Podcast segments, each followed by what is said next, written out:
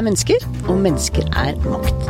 De som kritiserer makten, kan også ha makt, særlig hvis de gjør det fra en solid kunnskapsbase og pirker borti den brede enigheten som fins i et sterkt fagmiljø. Siviløkonom og samfunnsøkonom, professor og forfatter Erik Reinert, velkommen hit. Mange takk. Du er motstander av frihandel og globalisering, og mener at de store, velutviklede landene utnytter de fattige med dagens vekt på nettopp frihandel. Men det er vanskelig å se hva du vil ha i stedet. Det skal vi komme tilbake til. Men først. Du var en av de få som forutså finanskrisen i 2008. Du skrev flere artikler i årene i forkant. Fortell hva du så og forsto den gangen. Altså, det er én nesten utdødd avdeling av økonomifaget som mener at økonomifag en, eh, bør være en erfaringsvitenskap. At man da bygger på hva som har skjedd tidligere. Og, og, og da eh, Hvis man da går tilbake i historien, så ser man at det en, noen ganger er det en eksplosjon av økonomibøker. Som f.eks. etter den store finanskrisen i 1720. Og så ser man ja, hva var det som skjedde da? Hva er det som ligner nå? Og, og eh, så kommer man til at her har vi alle ingrediensene i en finanskrise. En oppblåst finanssektor som er i ferd med å ta livet av realøkonomien. Var det den gangen man uh, solgte luft? Ja, det var, det var, også, det var også en, en, en, en, del av det. At, at, uh, det var et stort verk som kom ut i, i Holland i 1720, hvor, hvor, hvor det var vindhandlere og, og, et av bildene viste da eh, en mann som hadde bundet fire gassballonger eh, til en katt etter hvert ben, og så holdt han denne katten oppe med å blåse på en peispuster. Og det, var et godt bilde for der mange ennå ikke kunne lese, så var det et godt bilde for at dette var et prosjekt som før eller siden ble tatt av tyngdekraften. Og det var jo det som skjedde med finanskrisen også, at det ble tatt av tyngdekraften. Men finanskrisen 2008, de fleste så ikke den komme. Hva var det konkret som gjorde at du skjønte at nå smeller det?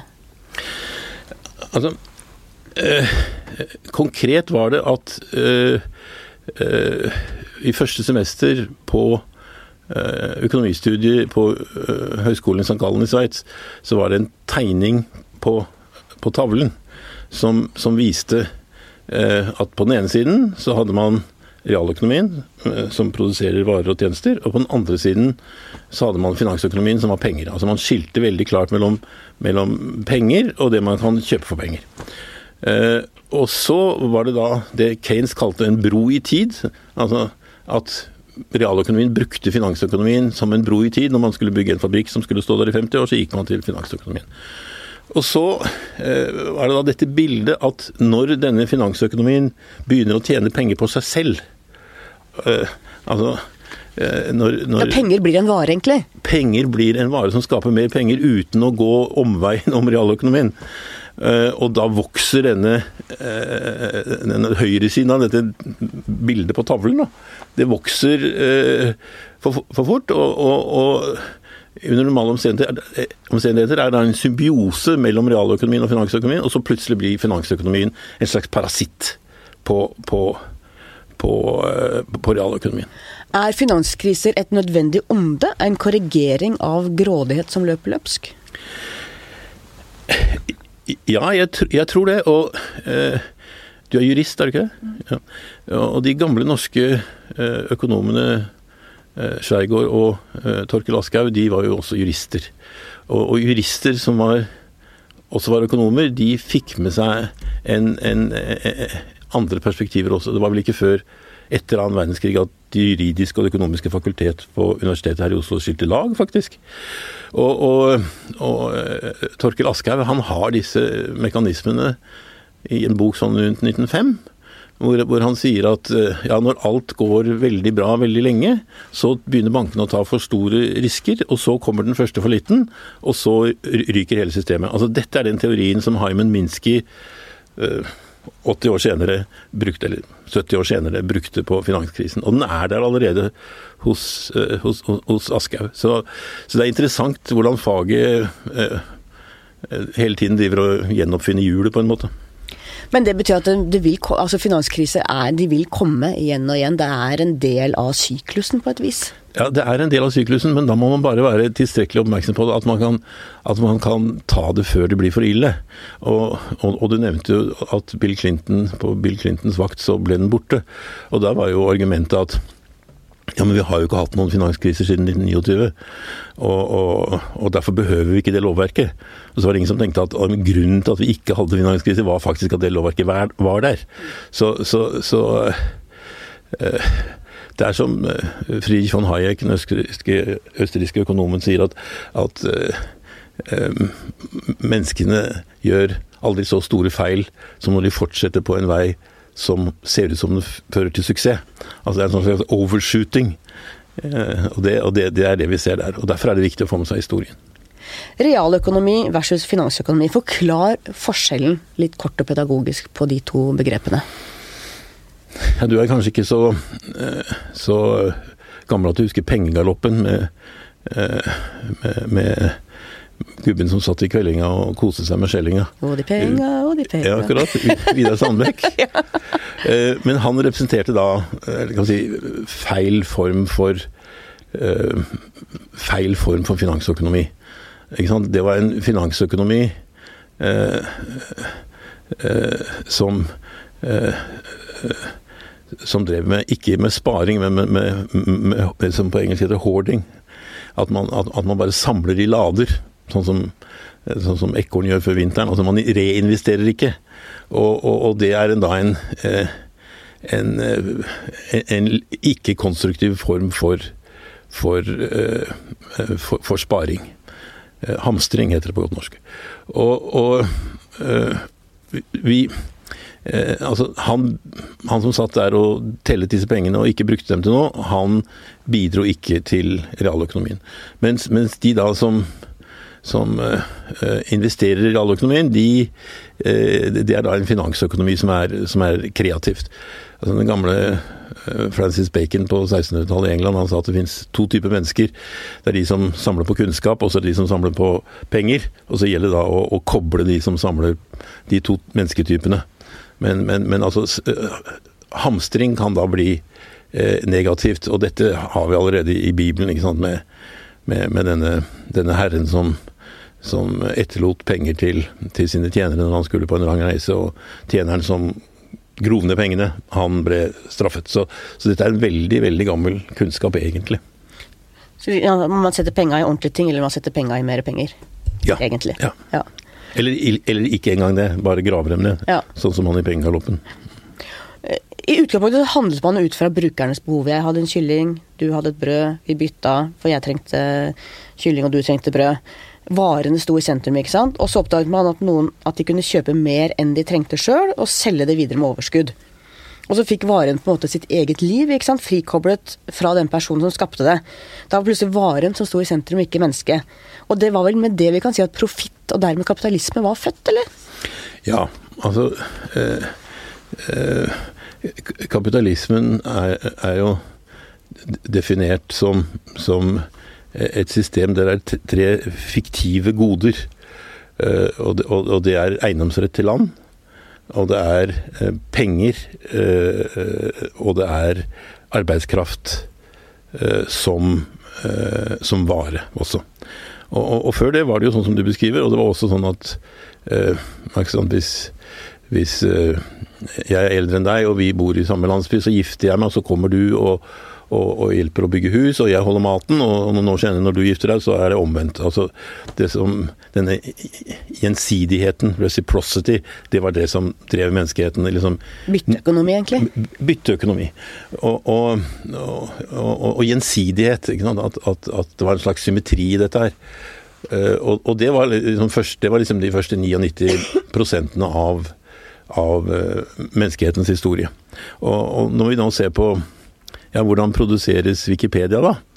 Så er det egentlig litt på samme måten. Så, så det, er, det, er, artig at gamle produksjonsmåter kan, kan, komme tilbake igjen. Altså det som man så på som veldig eh, bakstreversk, blir plutselig eh, moderne igjen. Og litt delingsøkonomi nå, kanskje? Ja, absolutt. absolutt. Det, det, det kommer, det.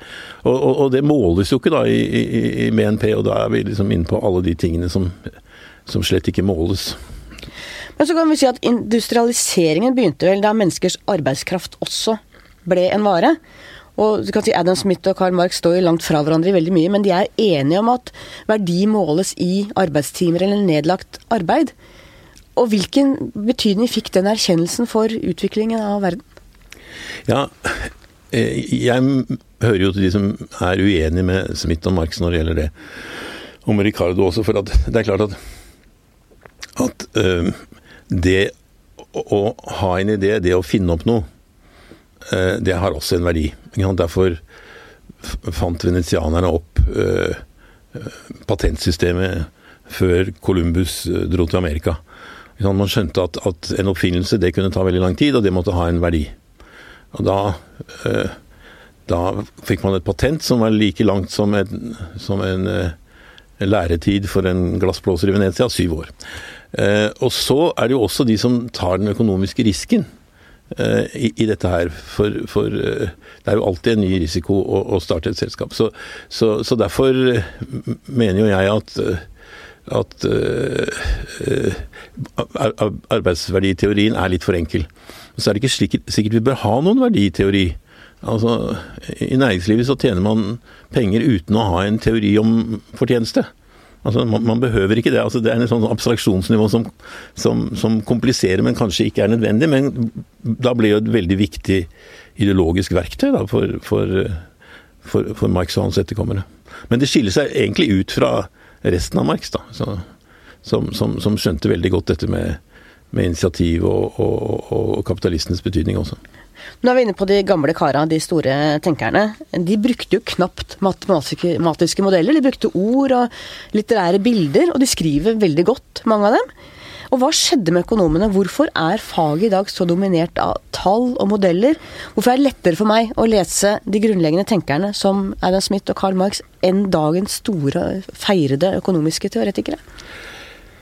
Ja, jeg tror det er fordi, øh, fordi si, mennesker har øh, ulik legning og ulik måte å, å, å, å forstå det på. Og jeg har mye til felles med det du beskriver. Altså det, det, man kan si, var at noen italienske økonomer på 1700-tallet de var de som begynte å matematisere. Og så fant de ut at, at dette her det, det, Ting så jo veldig enkle ut, men det løste liksom ikke noen problemer. Og, og øh, her er vi inne på hvordan den kalde krigen endret økonomifaget. Uh, at uh, altså, kommunistene hadde en, et slagord om at enhver skal yte etter behov, eh, yte etter evne og få etter behov. Eh, og så eh, kommer da den amerikanske økonomen Paul Semerson i to artikler i, i 1948 og 49 og, og uh, matematiserer David Ricardos uh, teori, en teori der alle økonomiske aktiviteter er like, og der blir ikke noe kapital. Eh, og så viser han at eh, jo, frihandelen kan eh, gjøre alle like rike. Altså Hvis man bare får frihandel, så blir det en tendens til at alle er, blir like rike. Og Dette var en teori fra 1817 som ingen hadde brukt på, på de første 100 årene. Eller nesten ingen hadde bygd på de første 100 årene. Og, og så eh, eh, blir det en bølge av at økonomenes eh, språk blir matematikk. Men, men, da følger det med øh, en del forutsetninger. Altså f.eks. denne handelsteorien som fremdeles Som er den Trump og Sanders gjør opprør mot nå, i kor. Øh, så er alle Som jeg nevnte, alle Altså økonomien består av et bytte av arbeidstimer. Og alle disse arbeidstimene er kvalitativt like. Så, så, så, så, derfor klarer vi å bevise at vi bare får frihandel mellom noen eh, bønder med lite teknologi i Afrika og Silicon Valley. Hvis de bare får frihandel, så vil de ha en tendens til å bli like rike. Og dette, dette trodde vi. Og, og eh, det er den teorien som er i ferd med å, å, å ryke nå, og det er den såkalte Washington consensus. Og, og, og, da er det interessant altså med, med, språk er det jo sånn at språk utvikler seg raskest i sentrum og svakest i periferien. Altså, islandsk er mye nærmere gammelnorsk enn norsk er, og rumensk er nærmere latin enn italiensk er. Og Det interessante er jo da at denne Washington konsensus, som har drevet eh, politikk overfor fattige land nå i, i, en generasjon, hvor ryker den? Jo, den ryker i Washington. Eh, altså, den ryker i sentrum. Eh, nå skal jeg til eh, eh, Sudan senere denne måneden, og jeg har lest de dokumentene som som, som, Verdensbanken og IMF har forberedt for, for å skal hjelpe demokratiet i, i, i, Sudan. Og det er hakk plata. Det er akkurat det samme de sa for 20 år siden i Mongolia. ikke sant? Mens, mens i Vesten er ting veldig mye i ferd med å forandre seg. Financial Times i dag så, så den, går den ungarske sentralbanksjefen ut og sier at vi må kvitte oss med euroen. Altså, altså, det er virkelig opprør mot denne veldig forenklede teorien som vi fikk, som var ideologisk nyttig. Men, men, eh, men, nå trenger vi ikke ideologien lenger, så nå kan vi egentlig begynne å tenke, eh, tenke praktisk. Du mener at økonomien i dag ikke kan deles langs en høyre-venstre-akse? Du mener at de alle er ganske like? Forklar det. Ja, altså jeg, har en, har en gammel venn eh, som, som jeg skrev skoleavis med på Vestheim skole i gamle dager, og, og han sier at ja, han føler det liksom har vært som å stå på en stadion og så kom det noen mennesker løpende ut fra høyresiden, og så løp de langt til venstre og ble marxist-leninister. Og så kommer de samme menneskene løpende tilbake og, og, og, passerer deg og forsvinner ut på høyresiden igjen. Og så, altså Vi som har stått nokså på samme sted hele tiden, vi er veldig forvirret over dette her. Og det syns jeg er en ganske god, det er en ganske god metafor. At, eh, at eh, altså enten du Enten du er en gammel AK på ML-er eller uh, Civita, så så tror du egentlig på David Ricardo Sandelsstory, som, som etter min mening er, er eh, en slags fornærmelse mot sunn fornuft. Altså ingen, ingen, økonomer sier til sine barn 'min sønn, min datter', 'jeg har observert at du har et komparativt fortrinn i å vaske tallerkener'. Derfor bør du gå ut og skaffe deg en jobb, en karriere som tallerkenvasker. Altså Det sier man ikke til sine barn. Men de samme økonomene sier egentlig det til Afrika. Vi skal snakke mer om Ricardo etterpå. Ja, ja. Ok. For vi tar dem litt i rekkefølge. Karl Marx så utviklingen som mekanisk og forutbestemt.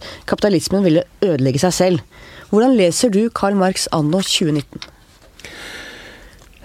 Altså, jeg er jo utdannet på Harvard Business School, så jeg er veldig langt fra en marxist. Men Marx har nå alltid stått i, i, i, i hyllen. Og, og jeg vil si at det, det virkelige problemet med Marx var det eneste han tok fra David Ricardo, nemlig arbeidsverditeorien. Og det var et slags unnskyldning for å snu hele den sosiale pyramiden opp ned. Og, og, og, det var ikke noen særlig god idé. Men, men Marx var en, en, mann som i den gamle tyske tradisjonen skrev mye om teknologi. Og, og hvis man fjerner arbeidsverditeorien, så, så Altså at verdi måles i antall timer, ikke sant? I, i antall Arbeid av timer. Ja, altså mm. Ideene spiller ikke noen rolle. Mm. Altså Det burde egentlig hett ideisme, for det er jo ideene som driver dette fremover. Det er ikke kapitalen i, i, seg selv. Så, eh, så, så, jeg tror at eh, altså eksempel skrev jo Marx om, om, eh, om finanskriser. Og jeg spurte en amerikansk kollega da, under finanskrisen at hvorfor har ikke marxistene klart å gjøre mer ut av finanskrisen? Og så sier han jo, det, det, er fordi, det er fordi eh, finanskrise står i bind tre av Das Kapital, og moderne kapitalister leser bare bind ett. Jeg vet ikke om det er riktig, men det var i hvert fall en slags forklaring på, på at man ikke har tatt med seg eh, det hele. Ja, for Marx mente at alt kom til å gå helt gærent, og da kommer revolusjonen. Ja. Og det var jo derfor han, var, han sa i 1848 at den eneste grunnen til at han var for frihandel, var at for tidlig frihandel Det er ikke det at jeg er mot frihandel generelt, men det er, det er, timingen av det. Så han var for frihandel fordi at hvis frihandel kom for tidlig, så ville det lede til revolusjon. Altså var han for frihandel. Nemlig. Den moderne kapitalismens grunnlegger, eh, han som egentlig satte ord på det som ble den frie verdensøkonomien, Adam Smith, han var overbevist om at kapitalismen ville føre til velstand for fellesskapet, nasjonen, med boka 'Wealth of Nations'. Hva tror du Smith ville sagt om den verden og den kapitalismen vi har i dag? Uh, altså, Adam Smith var jo en, en professor i, i, i filosofi. Han, og, og, og han gikk gjennom det er i hvert fall to Adam Smith. Hvis man leser den første 'Theory of Moral Sentiments', eh, så, så, så, sier jo at, så sier Adam Smith at ja, når vi subsidierer klesproduksjon, så er det eh, ikke for å hjelpe forbrukeren. Og det er i hvert fall ikke for å hjelpe fabrikkeieren, det er for å hjelpe the great system of government. Altså, her har vi en, en, en, en økonom som, som, egentlig er en gammeldags merkantilist. Jeg har en engelsk kollega som sier at Adam Smith er en misforstått merkantilist, altså de som kom før Adam Smith. Så, Forklar merkantilist, er ikke sikkert alle lytterne våre Nei, altså, merkantilisme er nesten et slags skjellsord i dag. Men det var de som, de som eh, fikk eh, Hva skal vi si Fikk eh, menneskene ut av hulene. Det var de som la grunnlaget for uh, uh, Egentlig for kapitalismen. Først italienske, italienske bystater på 1200-tallet. Der var det kapitalismen oppsto. Og, og, og, og, de som har gravd dette her, sier da at det var de to viktigste oppfinnelsene var, var eh, dobbeltsidig bokføring, sånn at man kunne kalkulere hvor mye kapital man faktisk hadde, og konkurs. At eh, Ny start? Ny start. Altså blank slate, som de sa før det. Altså en, en, en, en ren tavle. Og det er da da er vi begge steder er vi i Venezia på 1200-tallet, hvor når en bankier ikke betalte for, for, seg, så gikk man bort og, og med en øks og slo i stykker den disken han satt ved, og det var altså bancarotta. Det var, det, det, det var det. Og, det, og var, det, var begynnelsen. Og, og, der spilte staten hele tiden en, en, en stor rolle. Og, og denne, disse teoriene fikk sine eh, tyske og sine italienske og sine spanske og, sine engelske eh, variasjoner. Men alle skjønte at en stor grad av arbeidsdeling var viktig, og det holdt jo Adam Smith også på. Altså at eh, Hvis man vil vite hvor rik en by er, så går man inn i byen og så teller man antall yrker, for å si det enkelt. Det var ikke akkurat sånn de sa det, men det var nesten. Ja, arbeidsdeling var en nøkkel hos Einar Smith? Ja, men det var en nøkkel eh, hos Giovanni Botero, som døde i 1617 også. Og, og, der er jeg, jeg har et morsomt prosjekt gående, egentlig med min, min hustru, som, som da er bibliotekar. og som nyutdannet bibliotekar fra, fra Norges bibliotekskole, så fikk hun jobb på et bibliotek på Harvard da jeg studerte der, og hvor, hvor de eh, drev og, og, og, grov frem økonomiske bestselgere som var ukjent. Altså økonomibøker som hadde solgt i mer enn ti opplag før 1850. Og der dukker det opp en masse, en masse eh, historisk velkjente økonomer som er totalt glemt, som ikke engang har som ikke står Wikipedia engang.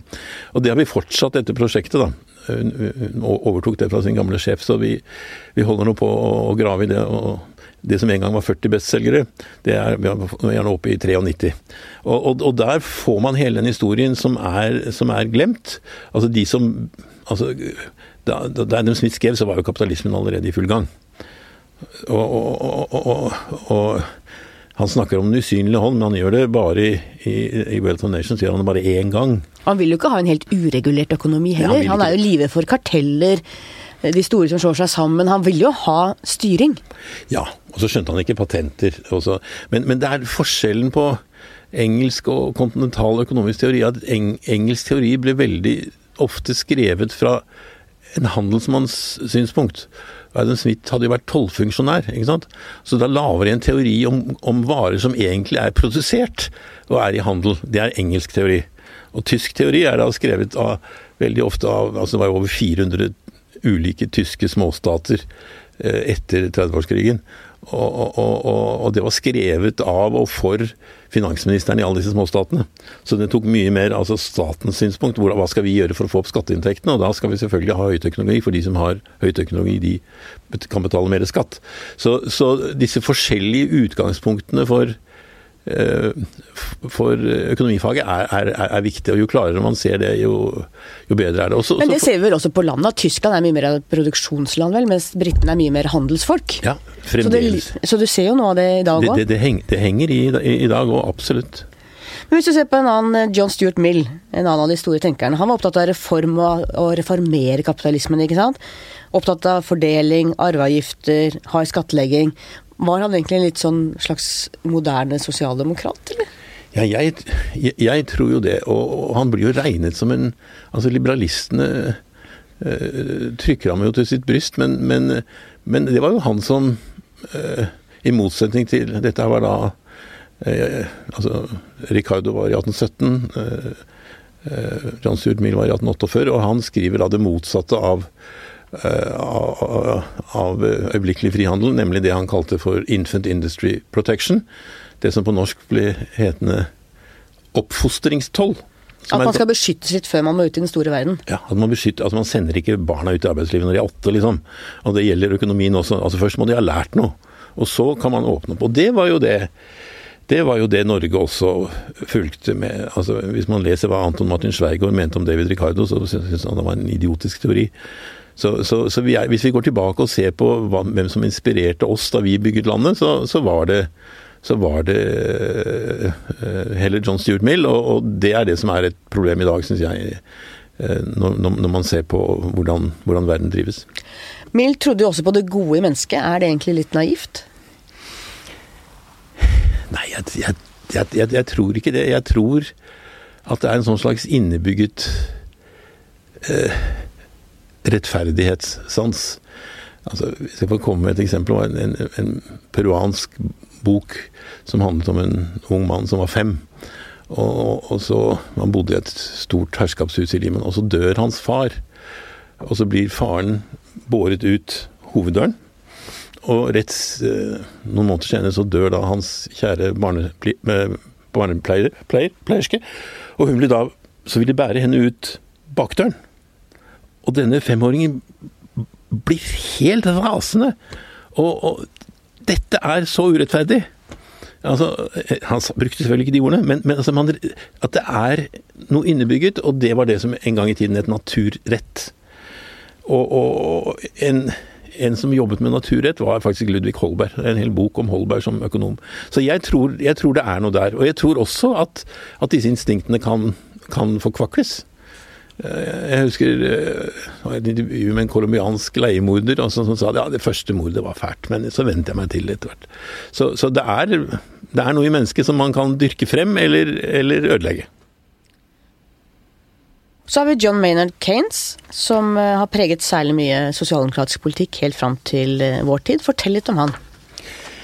Ja, Han var jo så heldig at han slapp å bli hjernevasket i økonomi. Han hadde bare noen privattimer med med, med uh, Alfred Marshall, som var en stor økonom på den tiden, som var venn av faren i, i Cambridge. Så, så, han studerte uh, veldig, veldig bredt. Og, og uh, en av de tingene må han si, at, at han man snakker om øko, økologi nå, da, så skrev han i 33 liksom lange paragrafer om hvordan vi ødela frisk luft fordi vi ikke hadde noen verdi, og, og, og altså, veldig moderne på den måten.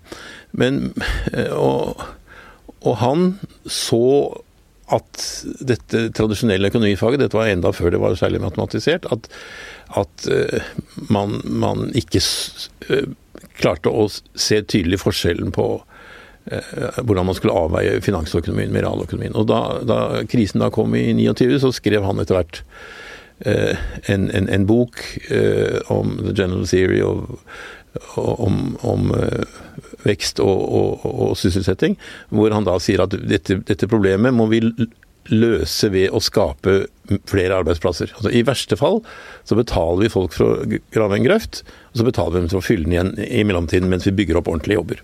Han er motkonjunkturpolitikkens far, altså det å sprøyte inn penger i dårlige tider nettopp for å holde folk i jobb, for ja. å holde forbruket oppe, for å holde økonomien i gang. Ja, og for at Og så lot man altså, man lot eh, banker gå konkurs. Og fordi de da ikke var blitt så store, så, så, var ikke det så stort problem. Og fordi amerikanske banker da liksom ikke hadde filialer i mer enn to stater, så, så, så kunne, de, kunne, ryke. Og, og, motsatsen til det er jo da, eh, er jo da Mario Draghi, som, som istedenfor å, å, å skape jobber, trykket penger. Og da har vi fått en, en, en verden hvor, hvor, hvor, det blir det som heter asset, asset price inflation, en, en, inflasjon i kapitalgoder. Så når leiligheter stiger i verdi, fordi det, fordi det blir så masse penger som må investeres et eller annet sted, mens samtidig så synker lønningene til de som skal betale leien i disse leilighetene. Altså, I land som Spania er dette veldig typisk. Så, så dette er en modell som, som, som, før eller siden må ryke.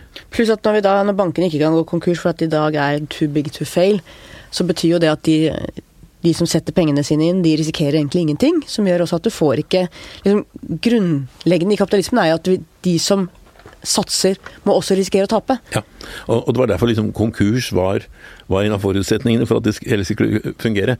Og, og, og, dette er helt, etter mitt syn helt perverse insentiver. Og det er jo da at øh, noen har interesse av dette her, ikke sant. Hvis man, hvis man øh, hvis man har en teori som ikke ser forskjell på, på skoproduksjon og banker, så, så, og, og, markedet skal, skal uh, herje fritt, så, så, ender man med å, å, å, subsidiere bankene. La oss snakke om det som jeg, en av de som jeg tror er en av dine favoritter blant de store gutta, uh, Josef Schumpeter. Østerrikeren som du mener at norske økonomer i altfor stor grad har oversett? Ja, altså eh, Jeg begynte relativt tidlig å Jeg ble satt til å drive en liten industribedrift eh, som var en filial av en norsk bedrift. Så jeg hadde liksom øh, jobbet i næringslivet, hadde studert økonomi, hadde øh, drevet med øh, vært i utviklingsland, jeg jobbet i Peru. Og, og, og, så jeg kom til Harvard og, og skulle begynne på graduate study, så, så tok jeg da et kurs i økonomisk idéhistorie, og det viste seg at dette kurset ble Eh, undervist av en kar som het Arthur Smithis, som var en australier som, som var Schumpeters beste venn. Sånn at, som, sånn at det som skulle bli eh, et bredt kurs ble et veldig smalt kurs i, i, i Schumpeter hans tenkning. Og jeg fant ut at han kunne jeg identifisere meg med. Altså, det, det, altså han, han, snakker om det banale syn at det er kapitalen i seg selv som driver kapitalismen. Altså Det er ikke han, han i pengegaloppen som driver kapitalismen, det er de som finner opp noe nytt. Og der er det, eh, der er det Eh, det å, det å, finne opp uh, nye ting. Og, og, og, og, der er jo en sånn slags religiøst bilde av, av, uh, av at vi var mennesker skapt i Guds bilde. Og, hva skal vi gjøre da? Ja, man må tenke Hva var det mest typiske ved vår Herre? Jo, det må ha vært hans skaperglede. Og, derfor, og Der får vi renessansen, og vi får opplysningstiden, at man skaper. Det er, det, er, Leonardo da Vinci og alle disse menneskene som skaper en, en masse ting. Og, og, og, dette i den likevektsøkonomien som, som uh, er vanlig kost i dag, så er ikke det med. For det bryter jo likevekten. Men, uh, men hos Schumpeter er dette selve, selve, kjernen. Han snakker jo om kreativ destruksjon, ikke sant? at du finner på nye ting, og da dreper du det gamle som ikke fungerer lenger. Ja. Og så blir det en sånn slags utviklingsløp med at nye ting kommer, gamle ting dør. Ja. Som et kontinuerlig løp, ikke sant? Ja, og, og, det fikk han fra en annen tysk økonom, eller en tysk økonom som het Werner Sombart, som skrev en bok om krig og kapitalisme. Krig er jo lønnsomt? Ja, altså han hadde to bøker i 1913. 'Luksus og kapitalisme' og 'Krig og kapitalisme'. Og, og hvis vi først har forstått at at uh, krig er så lønnsomt, så kunne vi kanskje kaste penger etter noe annet. Amerikanerne uh, finansierte hele interstate-systemet Eh, over forsvarsbudsjettet. For det kunne man få penger til. Men, men veier, det fikk man ikke penger til. Så, så, så hvis, vi bare, hvis, vi bare, har skjønt mekanismen, og så klarer å kaste penger etter noe annet, så hadde det vært, hadde det vært en stor fordel. Men, men, eh, men, veldig mange teknologiske nyvinninger kommer jo også gjennom krig. ikke sant? Veldig mange nye oppdagelser altså, kommer gjennom å finne opp nye våpen. nye... Altså, Hermetikken ble oppfunnet uh, under en, konkurranse i Frankrike under napoleonskrigen. Hvordan skulle man klare å lage mat til troppene som holdt lenge? Så finner noen opp hermetikken. Og, og, og, og internett og, veldig masse som, som, kommer ut av Altså utilsiktede bivirkninger av, av, av, av krig. Da. Og, dette beskriver Schumpeter, syns jeg er veldig, veldig bra. Og det interessante er at han så seg selv også som tenkende veldig likt Marx. Han sier det i, i forordet til den japanske eh, utgaven av boken om økonomisk utvikling, hvor han sier at egentlig så ser ikke folk at Marx og min tenkning er, så, er, er temmelig lik, fordi våre politiske synspunkter er vidt forskjellige. Altså, Schumpeter var veldig konservativ. Så, så det, er, det, er, eh, dette med Hvis du på hvis vi ser på hva var det egentlig Sovjetunionen drev med Jo, de drev jo med industrialisering. De drev med Stalin var liksom stål og elektrifisering og hele dette romfartskappløpet. Det var jo også en sånn sjompetriansk greie mellom USA og Sovjetunionen. Så, så vi, vi, vi, ser Altså I Schumpeter sånn så så vi egentlig ikke hvor lik kapitalismen og kommunismen var når det gjaldt teknologisk utvikling. Men Schumpeter har, har, jo også som en slags endestasjon en slags type sosialisme. Han snakker jo om at det blir mer og mer byråkratisering, at entreprenørene blir etter hvert byråkrater, ting blir større og større, og så ender man opp i et slags ikke revolusjonært, men et slags sosialistisk samfunn hvor det er planøkonomi som nærmest tar litt over. Ja, men, men, men, det ryker jo Det må jo ryke hver gang det er store, store teknologiske omveltninger, så bør jo dette ryke. Og han var litt, kanskje litt pessimistisk på sikt. Og han endret jo også syn da, eh, litt, litt, litt etter hvert. ikke sant? Først var det entreprenøren som, som den eh, Eh, som en ensomme ulv, og siden ble det da disse store firmaene. Og Det kan hende at det er sykluser det. At, at først har du entreprenøren Henry Ford, og så blir det veldig store firmaer, og så mister den industrien betydning, og så kommer en ny entreprenør som heter Bill Gates, og så, og så begynner hele dette på nytt igjen. Så jeg, jeg, tror er, jeg, tror det er, syklisk, og derfor bør man ikke være så pessimistisk som, som uh, Schumpeter var, da. Og så kommer vi til han som du allerede har vært inne på. I din fortelling om verden og økonomien er han selve skurken Ricardo. Ja. han liker du dårlig! Han, han, han, han liker jeg dårlig. Altså øh, En tysk økonom som Gustav Schmoller, som ble rektor på universitetet i Berlin i, i, i, i 1897, han sier at det er to gærninger der ute. A-historiske gale tvillinger. Og det var Manchester-liberalismen altså det som nå vil hete nyliberalismen, og kommunismen. Og egentlig var de begge barn av David Ricardo. Så alt som er gærent både på høyre- og venstresiden, er egentlig fra Ricardo. Både handelsteorien og denne arbeidsverditeorien, som er, som er litt for enkel. Men det interessante var jo at, at kampen mellom disse to gærne tvillingene skapte jo et veldig stort spektrum av muligheter altså mellom kommunismen og, og uh, nyliberalismen så var det et stort spektrum.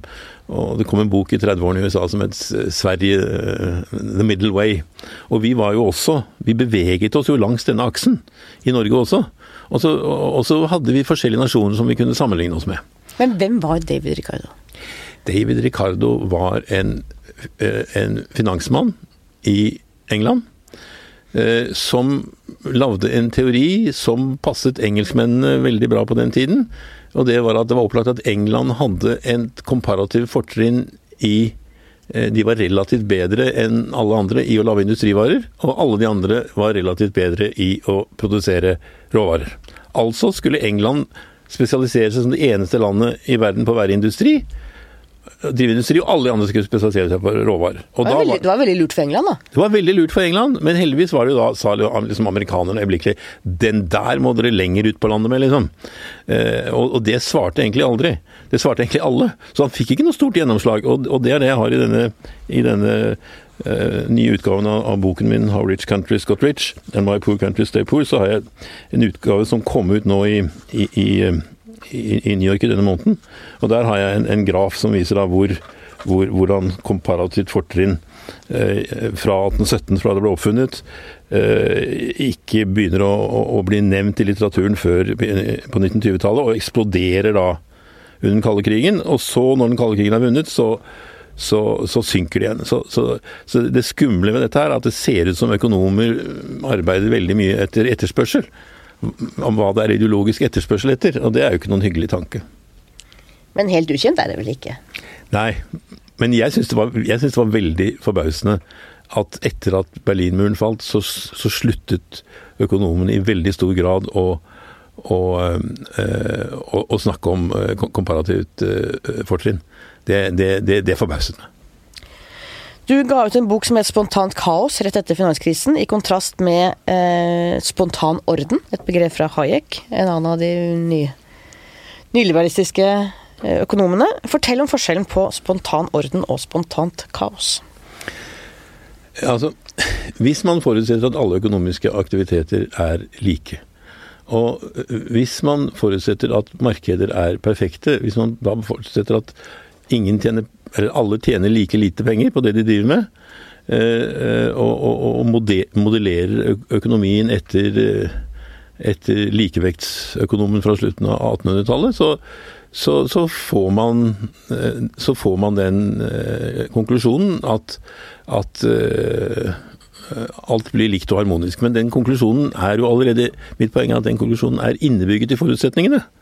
Så, så altså Hvis du har en teori hvor alt er likt, så, så ut av den andre enden så, så, kommer det også en teori hvor, hvor, alt er likt. Du mener at det er en sirkelargumentasjon, eller? Ja, det er en sirkelargumentasjon. Og, og, og, men det var jo veldig nyttig da vi sloss mot eh, kommunismen. Altså Kommunismen var en forferdelig var jo en forferdelig uh, truende greie. Og, man kan se det som en eh, som en, et nyttig propagandaverktøy mot kommunismen. Men når da kommunismen er død for lenge siden, og vi har helt andre problemer, så er det tull å komme, etter mitt syn, da, så er det tull å komme trekkende med dette her igjen. Og, og, og det mener jeg at kanskje høyresiden har prøvd å trekke Eh, det politiske Høyre veldig langt mot høyre ved å bruke sånne argumenter. Og når det da viser seg at virkeligheten ikke er sånn, så, så får man en slags backlash da, mot denne propagandaen. Eh, mye av tankegodset som han bygger på, er jo at han så oppbyggingen til annen verdenskrig. Han er født i 1899, eh, levde gjennom to verdenskriger. Og han så hva massene kunne føre til både i Tyskland og hjemlandet hans eh, Østerrike. I hans verden så vil en sterk stat og sterke fellesskap føre til fascisme og totalitære samfunn. Kan du forstå den frykten, sett i lys av hvor han kommer fra? Ja, ja. Altså, det er, alle ideer bør, bør ses på i, i, i sin uh, kontekst. Men, men, den første østerrikske økonomen, som Carl Menger, altså den første generasjonen av disse østerrikske økonomene, han han så jo dette med likevekt, og så, og, og så sa han ja, men likevekt får vi jo bare hvis det ikke skjer noe nytt på 200 år. Så det er egentlig uinteressant. La oss gå videre. Eh, så, så, så, det var en gammel argumentasjon som noen hadde eh, allerede hadde sett ikke var så realistisk, men, men, den, men, eh, men den, passet jo Altså, det, var et argument som, som passet på, på, på, på, den tiden. Og da er det jo interessant at de som prøver å, å, å kombinere dette her, sånn som Kanes, de, de, de var etter min mening men, svært nyttige. Altså, og det å kaste blår i øynene på folk, eh, og, og, love dem eh, eh love dem økonomisk eh, utjevning når du har et system som egentlig gjør det motsatte. Altså Vi har sett hva som skjer i Chile i disse dager, og vi har sett hva som, hva som, eh, hva som skjer i, har skjedd i Argentina de siste årene. altså Blåpapir som skjedde i 90-årene. altså Man, man, man, man går ut fra at Eh, at man skal få spontan orden. Og så, det, er det en sosialdarwinisme i dette her, underliggende i den ideologien, som Hayek ikke har. Men, men eh, en amerikansk forsker har skrevet to bøker om eh, om, om, USA på 70-tallet. og Den ene var sosialdarwinisme i økonomisk tenkning, og det andre var anti intellektualisme i amerikansk tenkning. Richard Hofstetter het han. Og, og, og, det er da du ser at, at denne enkle ideologien kombinert med sosialdarwinisme og øh, kombinert med en antiintellektualisme, det, det, det, fører til uro. Og det fører til altså, opprør som er relativt uh, ukonstruktive, da, fra Libanon til, til, til Chile. Og både Hayek og også Milton Friedman i og for seg står for den nye markedstenkningen som tok verden på ja, 70-tallet og utover. De ble jo ideologene til bl.a. USAs tidligere president Ronald Reagan, Storbritannias tidligere statsminister Margaret Thatcher, og de kom på en måte som en motkraft til New Deal i USA, til oppbygging av europeiske velferdssamfunn med sterke stater og mye styring. Var det en nødvendig korreksjon den gangen? Jeg tror det er veldig viktig å, at det er flere ideer ute og går. Det var en tysk økonom en tysk filosof som het Fichte tidlig på 1800-tallet, og alle klaget over at å, det er så mange småstater i Tyskland, og vi får ikke til noe fordi vi ikke er forenet. Og så sier han men jeg syns det er en utmerket idé at vi har mange småstater, for da er det masse stater som gjør forskjellige ting, og så lærer vi av hverandre. Ikke sant? Så jeg, jeg tror nettopp det er Et stort problem i EU er jo nettopp at, at det bare er én mening som er EUs mening, og det er en av grunnene til at det går i oppløsning. Så jeg har all tro på all, all tro på, på, på, på korreksjoner. At, at, det er ideer, og så, og så er det en kontekst, og så velger man da hvis demokratiet funker, så får man den ideen som passer best akkurat i den konteksten. Men var det nødvendig den gangen med en motkraft til det som var veldig sterk statlig styring, og at det var eh, jeg, tror ikke, jeg, jeg mener jo at, at, Hadde Kanes kommet for langt, på en måte? Nei, jeg tror ikke Kanes hadde kommet for langt. Jeg ser Kanes som veldig i midten på dette her, og, og Roosevelt også. og, og, og Mariner Eccles, som var Roosevelts uh, sentralbanksjef, var jo en Han var, en, han var mormon og, og, fra Utah og hadde drevet banker og hadde industri. Og hvis man ser på hvordan de til sammen Han var en veldig outsider i Washington. da, og når du ser hvordan de løste krisen på 30-tallet eh, i forhold til hva vi løser eh, Hvordan Mario Draghi løste krisen på nå, så, så er det eh, veldig det er, det er, veldig store forskjeller. Det er sørgelig hvor, hvor, hvor, mye som er, hvor mye som er glemt. Så til mitt åpningsspørsmål om din kritikk av globalisering og frihandel. For hva er egentlig ditt alternativ i dagens verden?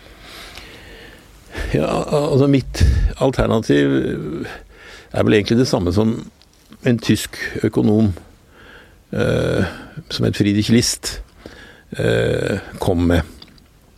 Og det er at eh, frihandel mellom land som er på noenlunde samme utviklingsnivå, det er alltid, det er alltid eh, fordelaktig for begge parter. Og dette var en gammel, eh, en gammel teori. Altså en, at eh, god handel, det var når man kjøpte råvarer og solgte industrivarer. Eh, dårlig handel var når man, når man solgte eh, råvarer og importerte industrivarer. Men interessant nok, allerede på 1700-tallet, hvis man bytter industrivarer mot andre industrivarer, så var det altså god handel. Så dette har, dette har sittet tilbake i århundrene. og, og og, og, List var det han som innførte Infant Industry? Ja, det, det, to år etter Lists død så kom dette begrepet fra John Stuart Mill. Men han hadde egentlig det samme. altså Alle disse tyske statene, det var bare noen noen og 30 da han begynte å jobbe. Eh, han mente at de skulle forenes. Og når alle da var forenet og sånn noenlunde like rike, så skulle man ha frihandel med eh, resten av Europa. Og når det var blitt symmetrisk frihandel, så, så, skulle man ha frihandel med resten av verden. Så det er dette med, med, med det symmetriske som er, som er, poenget. At industrivarer følger andre lover enn landbruksvarer, enn råvarer. Industrivarer har økende avkastning. altså eh, Ting blir billigere jo mer de produserer. Eh, altså, Av og til er det jo nesten null marginale kostnader, sånn som Bill Gates har. Mens hvis man er, produserer råvarer, enten det er eh, eh, mat eller, eller, fisk eller gruver, så har man en produksjonsfaktor som er begrenset av naturen. Og da, etter et eller annet tidspunkt, så begynner det å bli dyrere å produsere. Og da spesialiserer man seg på å, å, å, å, bli fattig. Så alle måtte ha et komparativt fortrinn i industri, sånn på noen noenlunde samme nivå. Og da, eh, da eh, er frihandel av alles interesse. Derfor er jo og det er opplagt at Norge må ha frihandel. Vi er så små og vi er så avanserte at, at uh, det må vi ha. Og liksom, Hvis man spør seg selv hvorfor er det sånn at verdens mest effektive eh, produsenter av landbruksvarer, nemlig EU og USA. Hvorfor må de ha så enorme subsidier til tross for at de er verdens mest effektive? Og Da får man et slags svar på hvorfor jeg mener at intet land blir rikt av å produsere råvarer. Og jeg har med meg siste, siste som fikk sparken som sjefsøkonom i, i, i, i Verdensbanken, Justin Jofilin, som sier at intet land har noen gang blitt velstående uten uten industrialisering. Det, men, men det bestrider da disse som underviser i, i rikardiansk handelsteori. Men øh, hvis vi ser både frihandel og globalisering har jo ført til langt færre mennesker i verden. Det er jo million, hundrevis av millioner som er løftet ut av fattigdom, som ja. ikke ville blitt det uten globalisering. Du, du, du bruker den frasen, standardfrasen 'løftet ut av fattigdom'. Men det, hvis du fjerner Kina og India fra det regnestykket, så er det overhodet ikke sant. Og Kina og India førte, førte jo overhodet ikke oppskriften fra Ricardo. De fulgte oppskriften fra List. Så det at globaliseringsforkjemperne bruker som eksempel på sin suksess land som overhodet ikke har fulgt deres eh, råd, det er for meg helt absurd. Ok, du er mot frihandel, og vel også mot globalisering, men den handel... Nei, nei, men altså ikke mot asymmetrisk frihandel, er jeg. ok, mot asymmetrisk frihandel. Den handelskrigen som nå utvikler seg, med tollbarrierer og proteksjonisme, mener du at den er bra eller dårlig for verden? Jeg, jeg satt rundt et bord i OECD i Paris i et stort møte i, i fjor, og det var vel over 100 mennesker rundt. Og så sa jeg at jeg tror Trump kan være en fordel for Afrika, fordi han har tatt hykleriet ut av frihandel. Og de fleste av de afrikanske delegatene jeg så, nikket. Men, men, Trump tenker jo ikke sånn, han tenker jo bare på seg selv. Men, men altså, han har brutt hykleriet at, som bare har vært der i teorien, som ikke har vært der i praksis. Amerikanerne har jo beskyttet det de ville. Altså, Amerikanerne har beskyttet sine flyprodusenter på én måte, og Europa har beskyttet sine flyprodusenter på en annen. Men alle har jo jukset. Altså, alle, alle rike land jukser. Det er bare at, at du, du, må være medlem av du, du, må, du får ikke lov å jukse hvis du er fattig. Og, og, og, og, det er problemet. Så jeg tror at dette på sikt er bra. Altså oppi alle de gale tingene eh, Trump gjør, så, så, eh, det, så kan det ha bra eh, konsekvenser. Men det er jo fælt så lenge det pågår. Det som pågår i USA er jo fælt. Og det som skjer gjør vel altså at det blir enklere for de store å bryte både regler og avtaler. Og det er jo ikke bra for de små landene, enten vi snakker om Norge eller Peru eller Nei, og, og da er det jo nettopp det at, at eh, når, de, når Det er derfor det er så viktig at han innrømmer Altså både Trump og Sanders innser at frihandel ikke er i USAs interesse, og det er det som skjedde i 1848. At både Marx og, og liberalisten John Stuart Mill var mot frihandel, de også. Og, og Derfor er det sånn sånt 1848-øyeblikk som, som, som, som, jeg kaller det. Du var i Peru som ung gymnasiast i 1967, og det ble livsformende for deg. Fortell. Ja, ja jeg kom jo fra sånn Oslo middelklasse og gikk på Russløkka og på Vestheim og på Handelsgym. Og, og, og, og, så kom jeg da plutselig, fordi vi sammen med den svenske elevorganisasjonen og, den finske eh, ble enige om å samle inn penger til Peru, altså det som, det som før het I en dag-aksjon, som da ble hetende Operasjon Dagsverk. Da, eh, da havnet jeg liksom, i ferien mellom 4. og 5. gym i, i, oppe i Andesfjellene og, og, og, i Lima. Og jeg spurte meg selv eh, Hvorfor er det sånn Altså alle de jeg så i Lima som jobbet, var like effektive som de samme som gjorde de samme jobben i Norge. Enten det var de som håndterte bagasjen på flyplassen, eller bussjåføren, eller kelneren, eller frisøren. Altså alle var like, like effektive. Og da øh, tenkte jeg, men hva er det ved dette markedet som gjør at, at de som er like effektive som disse her i Norge, de, hvorfor tjener de i Norge 16 ganger så mye? Og så tenkte jeg eh, når jeg kommer hjem, så skal jeg slå opp i et leksikon for å finne svar på det. Og det fikk jeg ikke. Og så, og så eh, tok jeg en doktorgrad i dette etter hvert, da, og, og, og, jobbet i industrien. Og, etter 40 år senere så skrev jeg en bok om det, da.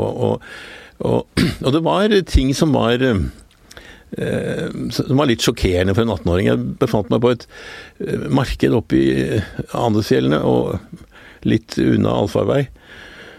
Og, så, og, så ser jeg en ung jente på min alder som, øh, som, som har en liten gutt i hånden. Uh, og, og, så kommer hun over til meg, og så begynner hun å snakke til meg, og liksom, gutten ser opp på meg, interessert og, og, og nysgjerrig. Og så tenker jeg hva i all verden er dette her? Jeg, jeg, kunne jo ikke spansk.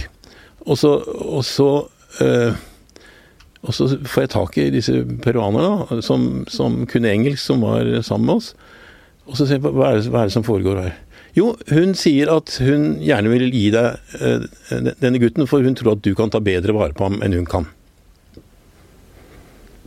Og, og, og så og, Nei, nei, dette er tull, ikke sant. Så fikk jeg tak i han andre som sa akkurat det samme. Eh, og da eh, Det sitter liksom Og så sier jeg hvorfor Hvorfor det, da? Eh, hvorfor akkurat meg? Jo, hun sier du ser så snill ut. Det er sånn som gjør inntrykk. Altså, hvorfor? Hvorfor er det sånn i verden at, at foreldre gir fra seg sine barn fordi de ikke kan ta vare på dem? Og det har da noe med Perus økonomiske struktur å gjøre. Uh, og, og, og, og, det var egentlig det jeg, på en måte det jeg så etter et svar på, da. Og, så du kan jo si det ligger vel en slags uh, uh, Ja, altså det, det, gjorde, det, gjorde, inntrykk. Ja, det har vel formet hele din videre karriere og forskning og virke siden? Ja, det har det på, på, på, på mange måter. At det ble et sånt over, overliggende spørsmål. For at du har jo, som du sier, en klassisk borgerlig konservativ bakgrunn.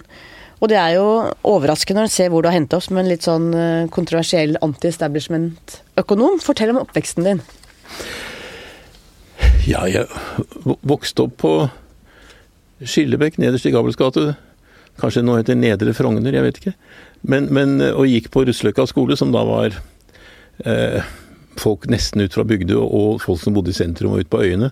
Så det var et veldig sånn sosialdemokratisk eh, eh, sted. Og liksom før man Så, så det, det, var det var et sted med store sosiale ulikheter, ville vi sagt i dag, men det la jo ikke vi merke til når vi var, når vi var små barn. Så det var en veldig sunn oppvekst. Og det var vel noe av det som, som gjorde at jeg eh, som, som eh, gjorde at jeg trodde på denne sosialdemokratiske ideen og, og, det vi hadde gjort i Norge. Og min far drev etter hvert en, en liten industribedrift, og, og, og, jeg ble sendt ut uh, i en alder av, av, av, 23 til å lære meg italiensk, for at, vi, for at den store konkurransen til denne bedriften var i, i, i Sentral-Europa, og så skulle vi sette opp en fabrikk i Italia. Og så tenkte jeg ja, når man er 23 og blir sendt ut for å starte en fabrikk i Italia, så hvis man klarer det, så, så er man ikke redd for noe særlig etterpå. Og, og det, det, gjorde jeg, da. Og, og, og eh, etter hvert ble det en fabrikk i Finland også. og og, og, og, jeg drev jo disse fabrikkene da i altså Først den i Italia, men siden også de to andre. Også mens jeg da eh, eh studerte da, da, da han var liten. Da, men så solgte jeg meg da ut i, i, i 91, og min, min, min uh, hustru hevder at, at uh, jeg er en sånn Dr. Jekyll og Mr. Hyde, og da hadde Mr. Hyde fått herje lenge nok, så måtte Dr. Jekyll, som var akademikeren, få lov å slippe til igjen. Så du drev business og studerte business? Ja. ja. ja. Og, og, og, i tillegg da en doktorgrad i, i, i, i økonomi, da. Så, så, så, det er ikke det at jeg ikke har vært gjennom teorien der. Men når man liksom har sett virkeligheten på nært hold, så kan man altså si at ja, men det er ikke sånn det funker, liksom. Da, da har man liksom en viss, med en viss tyngde kan man si at er, altså, denne delen av teorien eh, har ikke noe særlig med virkeligheten å gjøre. Brua mellom eh, praktisk liv og, ja, vitenskap. Ja. Og det, det som da ble sagt at, at uh, hvis man skal ha et objektivt syn på noe, så skal man det, se på det fra så mange forskjellige vinkler som mulig. Og det tror jeg er veldig viktig. Eh, du har alltid vært opptatt av næringsnøytralitet. Først forklar hva det er for noe. Ja, altså, næringsnøytralitet var et ord som oppsto i, i, Norge um, fordi um, man Eh, når man skulle drive økonomisk politikk, var det veldig viktig at man ikke, at man ikke hadde noen kunnskaper, liksom. Så da måtte man behandle alle næringer likt. Og, og, og, og da er det i motsetning til det som skjedde i USA, hvor økonomene i i, i, Chicago sa at vi må ikke drive med noe næringspolitikk, men det som virkelig skjedde i Chicago, var at borgermester Daly eh, laget et, en inkubator for høyteknologi. Altså, i, i, Norge ble det en unnskyldning for å ikke ta avgjørelser. Eh, altså, når skal vi slutte å investere og forske på steinalderen når alle andre er inne i bronsealderen, liksom? Og, så, så og, og, jeg spurte mine danske kolleger, og det ordet fantes ikke i Danmark i det hele tatt. Altså, det var noe vi hadde oppfunnet for å slippe å ta avgjørelser. Og, og det er jo eh, det skjedde noe viktig eh, da Stoltenberg og, og eh, siviløkonomene fra Blindern kom til makten. Da skjedde det noe, noe veldig viktig med Arbeiderpartiet også. at altså det Vi skal bygge land og, og, og industriens betydning og teknologiens betydning. Det forsvant jo på en måte. Vi så det jo ikke med en gang. Men, men, men det, jeg syns det var Da mistet liksom Arbeiderpartiet sin sjel, da. Det er mitt syn på det.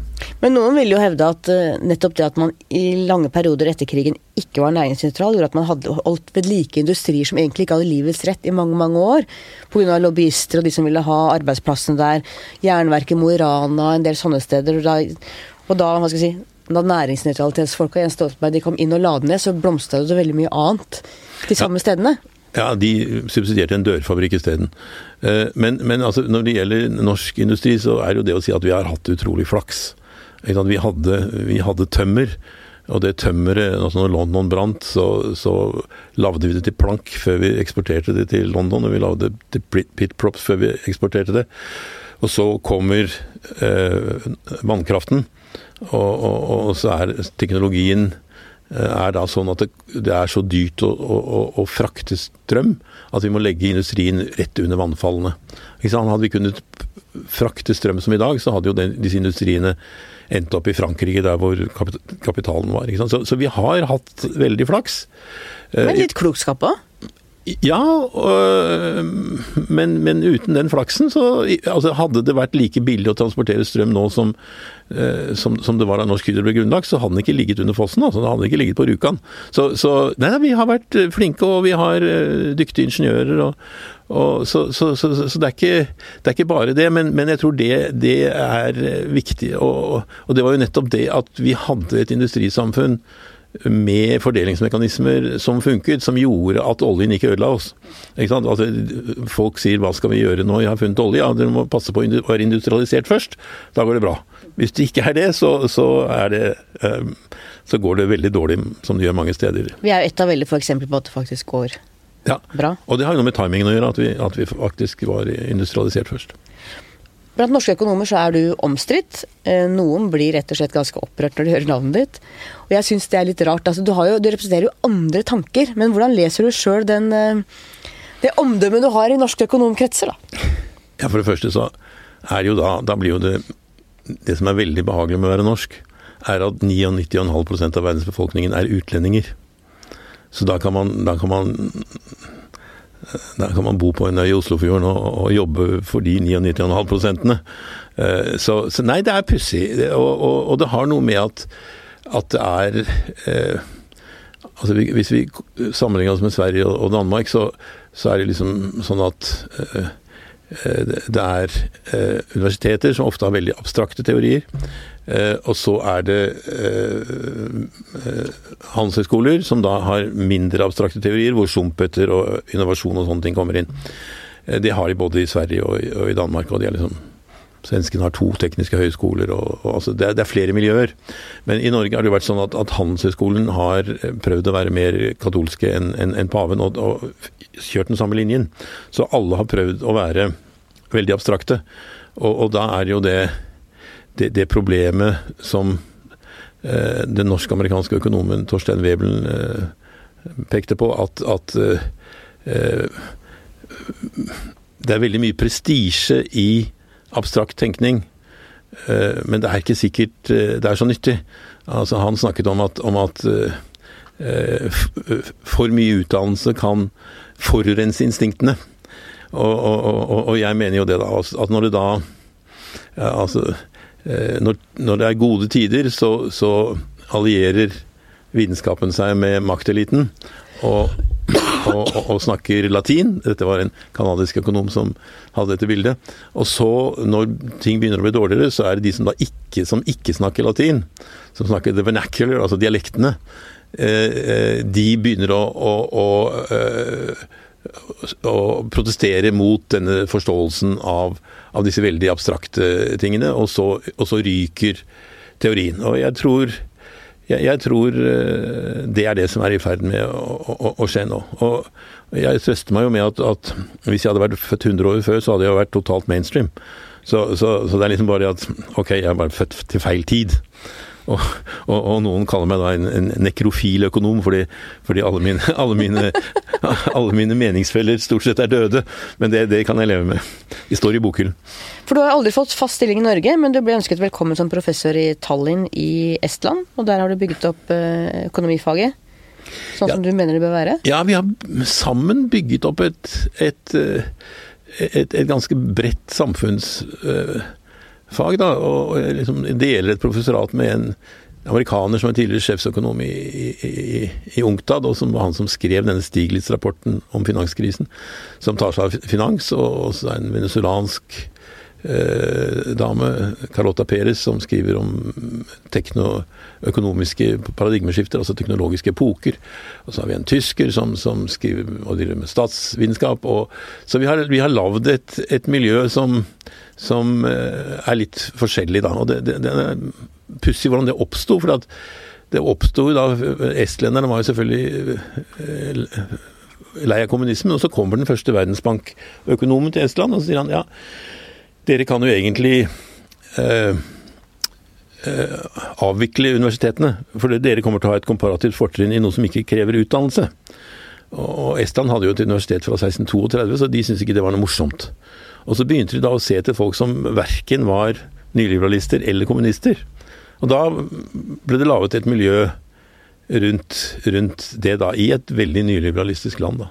Men samme måneden som, som, eh, som eh, Trump ble valgt, så fikk, ble en av våre elever eh, statsminister i, i Estland. Så, så det, det nytt. Hva ser du som viktige norske verdier, ikke som eksklusivt norske, men som viktigste verdier i det norske samfunnet? Altså, jeg, jeg tror at vi har veldig mye, vi kan takke veldig mye for at vi aldri hadde føydalisme. Det er, det er tre land i Europa som aldri hadde føydalisme. Eh, eh, Island og Norge og Sveits. Og det var også de tre landene som ble bedt om å være med i EU, men ikke ville. Og Det er i og for seg ganske interessant. Når jeg sier det til Brussel, så, så, liker ikke folk det, men jeg tror det er viktig. Så det er en viktig altså Derfor har vi denne dugnadsånden og, og, og det at vi ikke er Eh, at vi ikke er altfor hovne og sånne ting. Det, det, jeg, jeg, tror det er viktig. Liksom, jeg har opplevd det i utlandet. Så, hvorfor er ikke du mer arrogant? Nei, det, det hører liksom ikke med til kulturen. Så, så, det tror jeg er viktig. Hvordan ser du religionens plass i verden? Og i det norske samfunnet? Ja, jeg, jeg, jeg tror det er noe med naturrett og, og, og dette å gjøre. Så, så eh, jeg var heldig å bli konfirmert av en fyr som het Asle Enger i Frogner kirke. Og, og, han hadde vært med eh, frivillig da, til konsentrasjonsleirene i, i, i, Tyskland. Og, hadde et menneskesyn som jeg syns som ung mann eh, identifiserte eh, meg med. Og, så ble jeg eh, Når man bor på en liten øy med 400 innbyggere, så må man, så må man liksom ta de jobbene som er. Så jeg ble formann i menighetsrådet. Og, og, og det, sånn, det, ble sånn sjømannskirkemenighetsråd, og vi fikk med oss mange av de gamle sjømennene eh, på øya. Og, og, så har jeg sett på andre religioner, og, biskop Sigurd Osberg, som var biskop i Tønsberg den gangen, han var jo en han var jo en, eh, en veldig eh, tolerant mann når det gjaldt andre religioner. Når jeg skriver om religion, så sjekker jeg alltid med han. Kan jeg si at den gamle testamentlige guden var, var hevngjerrig? Jo, det kan du si. Og, og, akkurat nå i Tallinn da, så, så har jeg en, en, assistent som er muslim og vokste opp i USA, fra Marokko. Og så har jeg også en, eh, en kambodsjansk munk.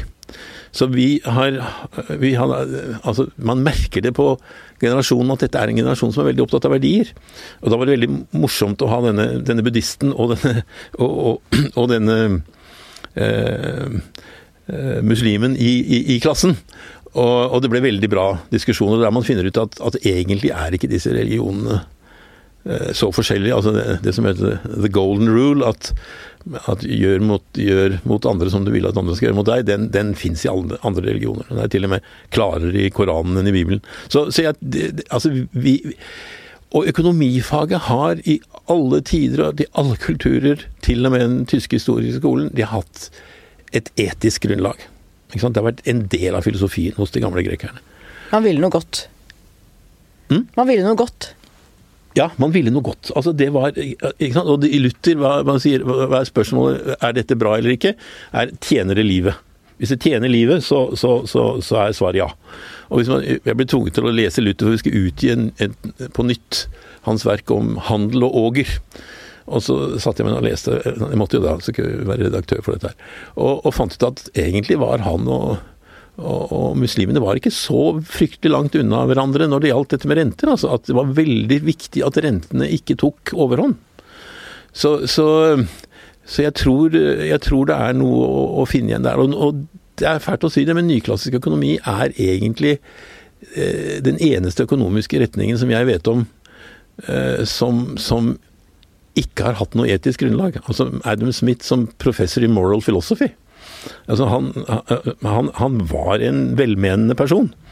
Og, og, og, og, så er da dette argumentet med at ja, men vi er jo så vitenskapelige, og dette er jo så vitenskapelig det vi gjør. Så derfor kan vi ikke blande inn religion. Det, det mener jeg blir Resultatet av det blir feil, da. Tror du på Gud selv? Ja, på, altså ikke som en sånn, ikke som en sånn uh, person med skjegg som sitter på en sky, men, men, men altså at det er noe større enn oss selv, ja.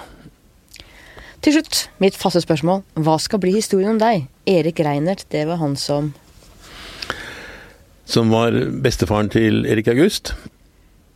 Eller kanskje han som hjalp til å bygge ned eh, David Ricardo Sandels teori, sånn at Afrika kunne endre sin økonomiske struktur og slapp å eksportere sine unge og friske borgere til oss. Tusen takk for at du kom. Takk skal du ha. Takk til deg som hørte på. Takk til researcher Grete Ruud og til vår faste produsent Magne Antonsen. Vi høres igjen om et par uker.